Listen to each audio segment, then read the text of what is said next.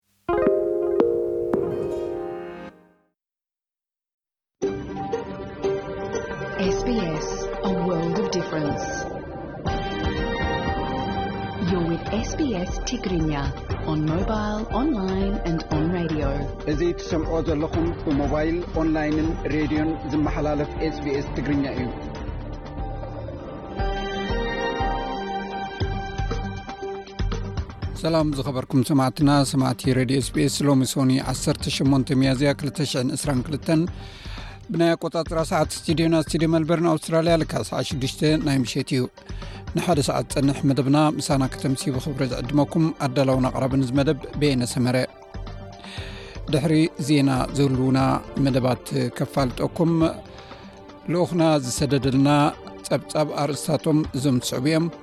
መንግስቲ ፈደራል ንዕፅዋ ትግራይ እንተዘይከፊቱ ዝኸፍአ ዓዕናዊ ኩናት ከም ዝህሉ ኢንተርናሽናል ክራይስ ግሩፕ ኣጠንቂቑ ቻይና ኣብ ልዕሊ ሸተ ትካላት ንግዲ ኢትዮጵያ ማዕቀብ ኣንቢራ ኣብ ቤት ማእሰርቲ ዝርከብ ኣቶ በረከት ስምዖን ምግቢ ናይ ምሕሳም ኣድማ የካየድ ከም ዘሎ ተገሊጹ ዝብሉን ካልእ ኣርእስታት ዝሓዘ እዩ ድሕሪ ዜና ክነቕርቦ ኢና ኣርእስቲ ናይታ ዶክተር ስቴጋል ዝፀሓፈታ መፅሓፍ ዘ ኤርትርያን ሌተር ራይተርስ ዲር ሚስተር ፕሬዚደንት ዝብል እዩ ብዛዕባ እታ መፅሓፍን ምስኡ ዝተተሓሓዘ ጉዳያት ተዕሊላትና ኣላ እዚ ኣብ ናይ ቃል ምሕትት መደብና ዝቐርብ እዩ ሰሙናዊ መደብ ስፖርት ናይ እብራሂም ዓሊ ካብ ዝሓዞ ማእርስታት እዞም ዝስዕቦ ይርከብዎም ኢትዮጵያን ኣትሌታት ሞስነት ገረሞ ኣብ ማራቶን ሶል እንዳለ በላቸው ኣብ ኬፕታውንን ለተብርሃን ሃይላይ ኣብ ቱርክን ተዓዊቶም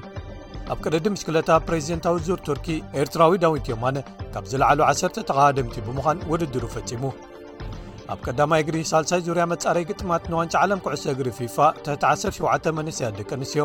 ኢትዮጵያ ንደብ ኣፍሪቃ ብገፊሕ 3ለስተ ባዶ ስዒራ ጸብለልታ ሒዛ ኩሎም ትሕዝቶታትና ብቕደም ሰዓብ ግዜኦም ሓልዮም ክቐርቡ እዮም ነዚ መደብ ክትከታተሉ እናዓደምኩ ሕጂ ብቐጥታ ናብ ዕለታዊ ዜና ክሕልፈኩም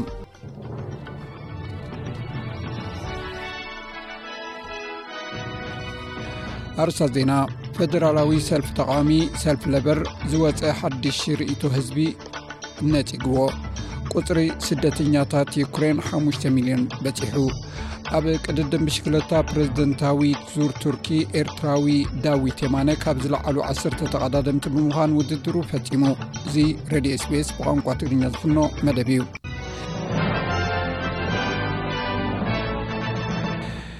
ናይ ፌደራል ሰልፊ ተቓዋሚ ሰልፊ ለበር ዝወጸ ሓድሽ ርእይቶ ህዝቢ ነጺግዎ። እቲ ሓድሽ ዝወጸ ናይ ቅድመ ምርጫ ድምጺ ህዝቢ ንሰልፊ ለበርን ንኣንቶኒ ኣልበነዝ ዘሎ ደገፍ ኣንከም ዘንቆልቆለ ዘርኢ እዩ። ዘ ሪዞልቭ ፖል ብጋዜጣታት ዘ ኤጅን ዘ ሲድኒ ሞርኒንግ ሄራልድን ዝተገብረ መጽናዕቲ ከም ዝሕብሮ ድሕሪ እቲ ናይ መጀመርያ ሰሙን ጎስጓስ ምረጹና መብዛሕትኦም ኣድመጽቲ ካብ ሰልፊ ሌበር ርሒቖም ኣለዉ።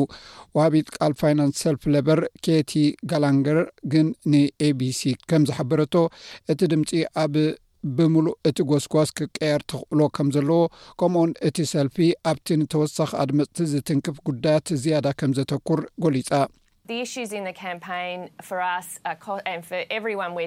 እቲ ጉዳይ ንዓናን ኣብ መሬት ንዘራርቦ ዘለና ህዝብናን ንዘለና ኩሉን ንዋጋ መነባብሮን እዩ ኩሉ ነገር ከቢሩ እዩ ዘሎ ደሞዝ ብኡ መጠን ኣይዓበየን እቲ ጉዳይ ናይ ሜዲኬር ናይ ጥዕና ኣገልግሎት ምርካብን ከምኡውን ብዛዕባ መፃኢ ናይዚ ሃገር ኩነታትን እዩ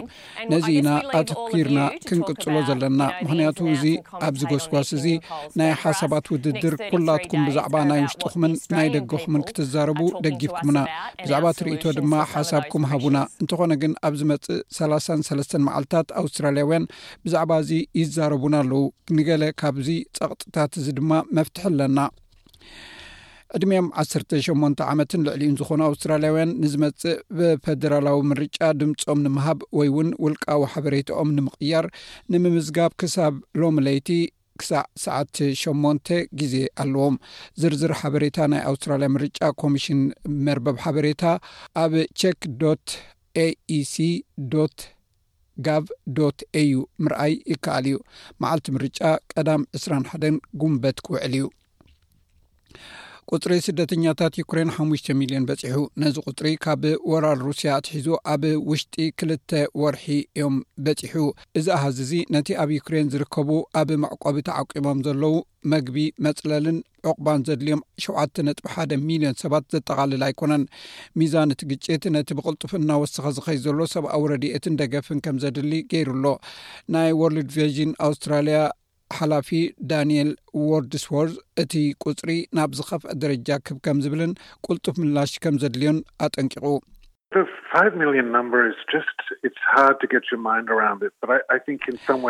እቲ ሓሙሽተ ሚልዮን ዝኸውን ቁፅሪ ልክዕ እዩ ንኣእምሮኻ ክትቆፃፀሮ እውን ኣፀጋሚ እዩ ኮይኑ ግና ንወርልድ ቪዥን ብእተወሰነ መገዲ ፍርቂ ካብ ደቂ ዩክሬን ካብ መረበቶም ከም እተመዘበሉ ዝገልፅ ሓሳብ እዩ ዘለዎ በዚ ምክንያት እዚ ናብቲ ዞባ ክምለስ ወሲነ ዘለኹ ነቲ ኣብ ዶብ ይኹን ኣብ ውሽጢ ዩክሬን ዘሎ ወርልድ ቪዥን ዝህቦ ምላሽ ድማ ኣብ ዝቕፅል ሰሙን ክንሕግዞ ኢና ብዛዕባ እዞም ኣብ ውሽጢ እታ ሃገር ዝነብሩ ብሚልዮናት ዝቁፀሩ ሰባት ድሕነት ንምርካብ ፃዕሪ ክግበር ኣለዎ ሂወት ኣድሕን ሰባት ኣብ ቀረባ መዓልትታት ብርቱዕ ዝናብ ድሕሪ ምህራሙ ኣብ ደቡብ ኣፍሪቃ እትርከብ ኳዝሉ ናታል እትበሃል ኣውራጃ ልዕሊ 440 ሰባት ዝቐተለ ዕልቕልቕን ጭቃን ኣጋጢሙ ኣብ ዘለወሉ እዋን ገና ብዙሓት ሰባት ጠፊኦም ኣብ ምንዳይ ይርከቡ። እቲ ምዕልቕላቕ ብኣሽሓት ዝቑጸሩ ሰባት መጽለሊ ዝሰኣኑ ኮይኖም ናይ ኤሌክትሪክ ሓይልን ማይን ከም ዝፈረሰን ከምኡውን ኣብ ሓንቲ ካብተን ጻዕቂ ስራሕ ዘለወን ወደባት ደቡብ ኣፍሪቃ ደርባን ምዕልቕላቕ ከም ዘጋጠመ ተፈሊጡ ኣሎ ፕሪምየር ሲሄሊ ሲካላ ኣብቲ ኣውራጃ ብዙሕ ጉድኣት ወሪዱ ክነሱ ተልእኾ ምንዳይ ብምሉእ ብምሉእ ሓይሉ ከም ዝምለስ ይገልጽ።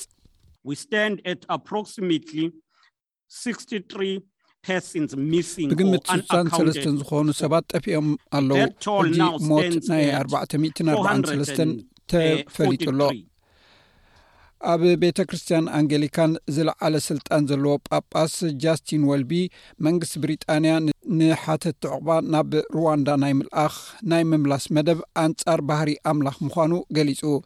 ብሪጣንያን ሩዋንዳን ኣብ ዝሓለፈ ሰሙን ናብ ብሪጣንያ ብናይ ፅዕነት መኻይን ወይ ብንኣሽቱ ጀላቡ ዝኣት 400 ኪሎ ሜትር ናብ ምብራቕ ኣፍሪቃዊት ሃገር ርሒቓ ናብ እትርከብ ሃገር ሩዋንዳ ከም ዝለኣኹ ኣብኡ ድማ ናይ ዕቑባ ሕቶኦም ክምስራሕን እንተተዓዊቶም ከኣ ኣበይ ከም ዝጸንሑ ከም ዝተሰማምዓ ኣብ ዘውፅዎ ሓበሬታ ኣፍሊጦም ኣለዉ ሊቀ ጳጳሳት ካንተርበሪ ግን ነቲ ናይ ሰንበት ስብከቱ ነቲ ጉዳይ ሓላፍነትካ ከም ሓውሲ ናብ ኩንትራት ምስግጋር ምዃኑ እዩ ገሊጹ ንሱ ነቲ ጉባኤ ከም ዝሓበሮ እቲ ዝርዝር ንፖለቲካን ፖለቲከኛታትን ዝምልከት እኳ እንተኾነ ንዝመጹ ሓተቲ ዑቕባ ናብ ወጻኢ ሃገር ብዛዕባ ምልኣኽ ግን ዕቱብ ስነ ምግባራዊ ሕቶታት ኣለዎ ኢሉ። ከም መጠን ሃገር ብክርስትያናዊ ስርዓታት ዝቖመት ሃገር ዘሎና ሓላፍነት ከቢድ ወይ ሃገራዊ ሓላፍነት ክስከሙ ኣይክእሉን እዮም ከመይሲ ከም ርዋንዳ ጽቡቕ ነገር ክትገብር እትደሊ ሃገር እውን እንተኾነት ምስቲ ባዕሉ ኣብ መስቀል ዝወዓለ ኣምላኽ እዚ ስራሕ እዚ ዝጻረር እዩ። ናይ ምቾት መርከብ ፓሲፊክ ኤክስፕሎረር ናብ ሲድኒ ሃርበር ብምምጻእ ፈደራላዊ መንግስቲ ብሰንኪቲ ለበዳ ኣብ መጋቢት 220 እገዳ ካብ ዝገብር ንደሓር ናብ ኣውስትራልያውያን ገማግብ ክትምለስ ናይ መጀመርታ በፍታ ኩገይርዋ ኣሎ እቲ ንኣስታት 2,00 ገያሽ ናይ ምቾት ቀረብ ዓቕሚ ዘለዋ ዘለዎ ናይ ኣውስትራልያ 400 ሚልዮን ዶላር ዝግመት መጋየፂ ዘለዋ ኮይና ሎሚ ንግሆ ናብ ሲድኒ መፅኣ ኣብዚ ወርሒ እዚ ስርሓ ክጅምር ትፅቢት ይግበር ፎረም ቱሪዝምን መጓዓዝያን ሲኢኦ ማርጊ ኦዝመንድ፣ ናይ ኮቪድ ውሕስነት ስጉምትታት ኣብ ምምላስ ናይቲ ክሩዝ ኣብ ቦትኡ እዩ ዘሎ። ፖሊስ እስራኤል ኣብቲ ኣብታ ጥንታዊት ከተማ የሩሳሌም ዝርከብ መስጊድ ኣል ኣቅሳ ድሕሪ ምእታው ትሽዓተ ሰባት ኣብ ትሕቲ ቀይዲ ኣእትዮም። እዚ ከኣ ኣይሁዳውያን ናብቲ ኣብ ቅድስቲ ወርሒ ረመዳን ኣከራኻሪ ዝኾነ ቅዱስ ቦታ ብምኻድ ርችት ዘልዓሉ ፍልስጤማውያን፣ ፖሊስ ናብቲ መስጊድ ክኣትዉ ዝኸኣሉ ኣይሁድ ናብቲ ኣዘውቲሮም ዝኸድዎ ቅዱስ ስፍራ ኩነታት ንምጥጣሕ ዩ ምዃኑን እዚ ኸኣ ፍልስጤማውያን ኣእማን ከም ዝኣከቡን መጥቃዕቲ ከም ዝጽበዩን ዕንቅፋት ከም ዝኾኖምን ኢሉ ፖሊስ ከሲሱ ኣሎ። ኣብ መስጊድ ኣልቃሳ እተላዕለ ግጭት ሮሞዳን ምስቲ ኣይሁድ ዘብዕልዎ በዓል ፋሲጋ ብምስማሩ ናብቲ ዝዓመቖ ግጭት ከይምለስ ስግኣት ፈጢሩ ኣሎ። ኣብ ዝሓለፈ ዓመት ኣብ የሩሳሌም ኣብ መንጎ ሓይልታት እስራኤልን ፍልስጤማውያንን እተላዕለ ግጭት ኣብ መንጎ ወተሃደራት እስራኤልን ወተሃደራት ሓማስን ንዓሰርተ ሓደ መዓልትታት ዝቐጸለ ግጭት ተኻይዱ ነይሩ። ናይ ሱዳን ወተሃደራዊ መራሒ ጀነራል ዓብዱልፈታሕ ኣልቡርሃን ኣብታ ሃገር ድሕሪ ፈተነ ዕልዋ መንግስቲ ነጊሱ ዘሎ ቅልውላው ከፍኩስ ዘኽእል ስጉምቲ ከም ዝወስድ ኣፍሊጡ እቲ ጀነራል ንጾም ረመዳን ዝተኣከበ ህዝቢ ኣብ ዝገበሮ መደረ ኣብታ ሃገር እናኸፍዐ ዝኸይ ዘሎ ናይ ቁጠባን ፖለቲካን ቅልውላው ናብ መፍትሒ ዝመርሕ ናይ ዘተ ኩነታት ንምፍጣር ተዳሊና ኣለና ኢሉ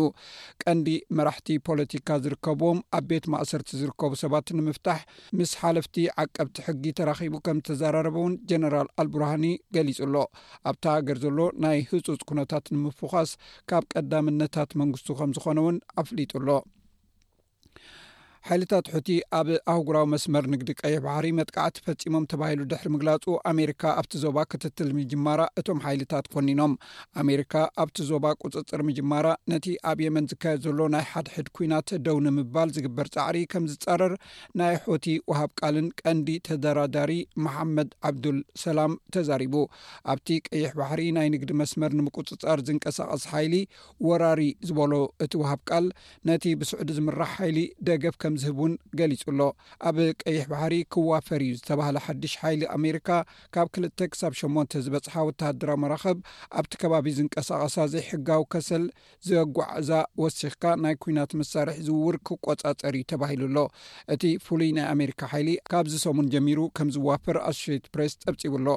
ወርሒ ረመዳን ድሕሪ ምጅማሩ ኣብ የመን ንሱሳ መዓልታት ዝጸንሕ ናይ ተኹሲ ደው ምባል ስምምዕ እንተተገብረ እኳ እቲ ስምምዕ ብክልቲኦም ወገናት ብተደጋጋሚ ተጣሒሱ እዩ። ኣብ ስፖርት መበል ሓምሳን ሸውዓተን ዓመታዊ ቅድድም ብሽክለታ ፕረዚደንታዊ ዙር ቱርኪ ዝሓለፈ ሰሙን ተኻይዱ ብዓወት ኒውዚላንዳዊ ኣባል ጋንታ እስራኤል ፕሪሜርቴክ ፓትሪክ ቤቪን ተዛዚሙ ኣባል ጋንታ ባይከይድ ዝኾነ ኤርትራዊ ዳዊት ዮማነ ኣብ መድረኽ ኣርባዕተ ዝለዓለ ናይ ሻድሻይ ደረጃ ውፅኢት ድሕሪ ምምዝጋብ ኣብ መወዳእቱ ካብቶም ዝለዓሉ ዓሰርተ ተቓዳደምቲ ብምዃን ሻብዓይ ደረጃ ሒዙ ዝነኣድ ውፅኢት ምምዝጋብ ውራዩ ምዝዛሙ ተፈሊጡሎ ብኻልእ ወገን ዝሓለፈ ሰሙን ኣብ ኢጣልያ ኣርባዕተ መድረኻት ዘካተተ ሳልሳይ ቅድድም ብሽክለታ ጅሮ ዲሲሲልያ ተኻይዱ ብዓወት ኢጣልያዊ ዳሚያኖ ካሩሶ ካብ ጋንታ ኢጣልያ ተጠናቒቑ።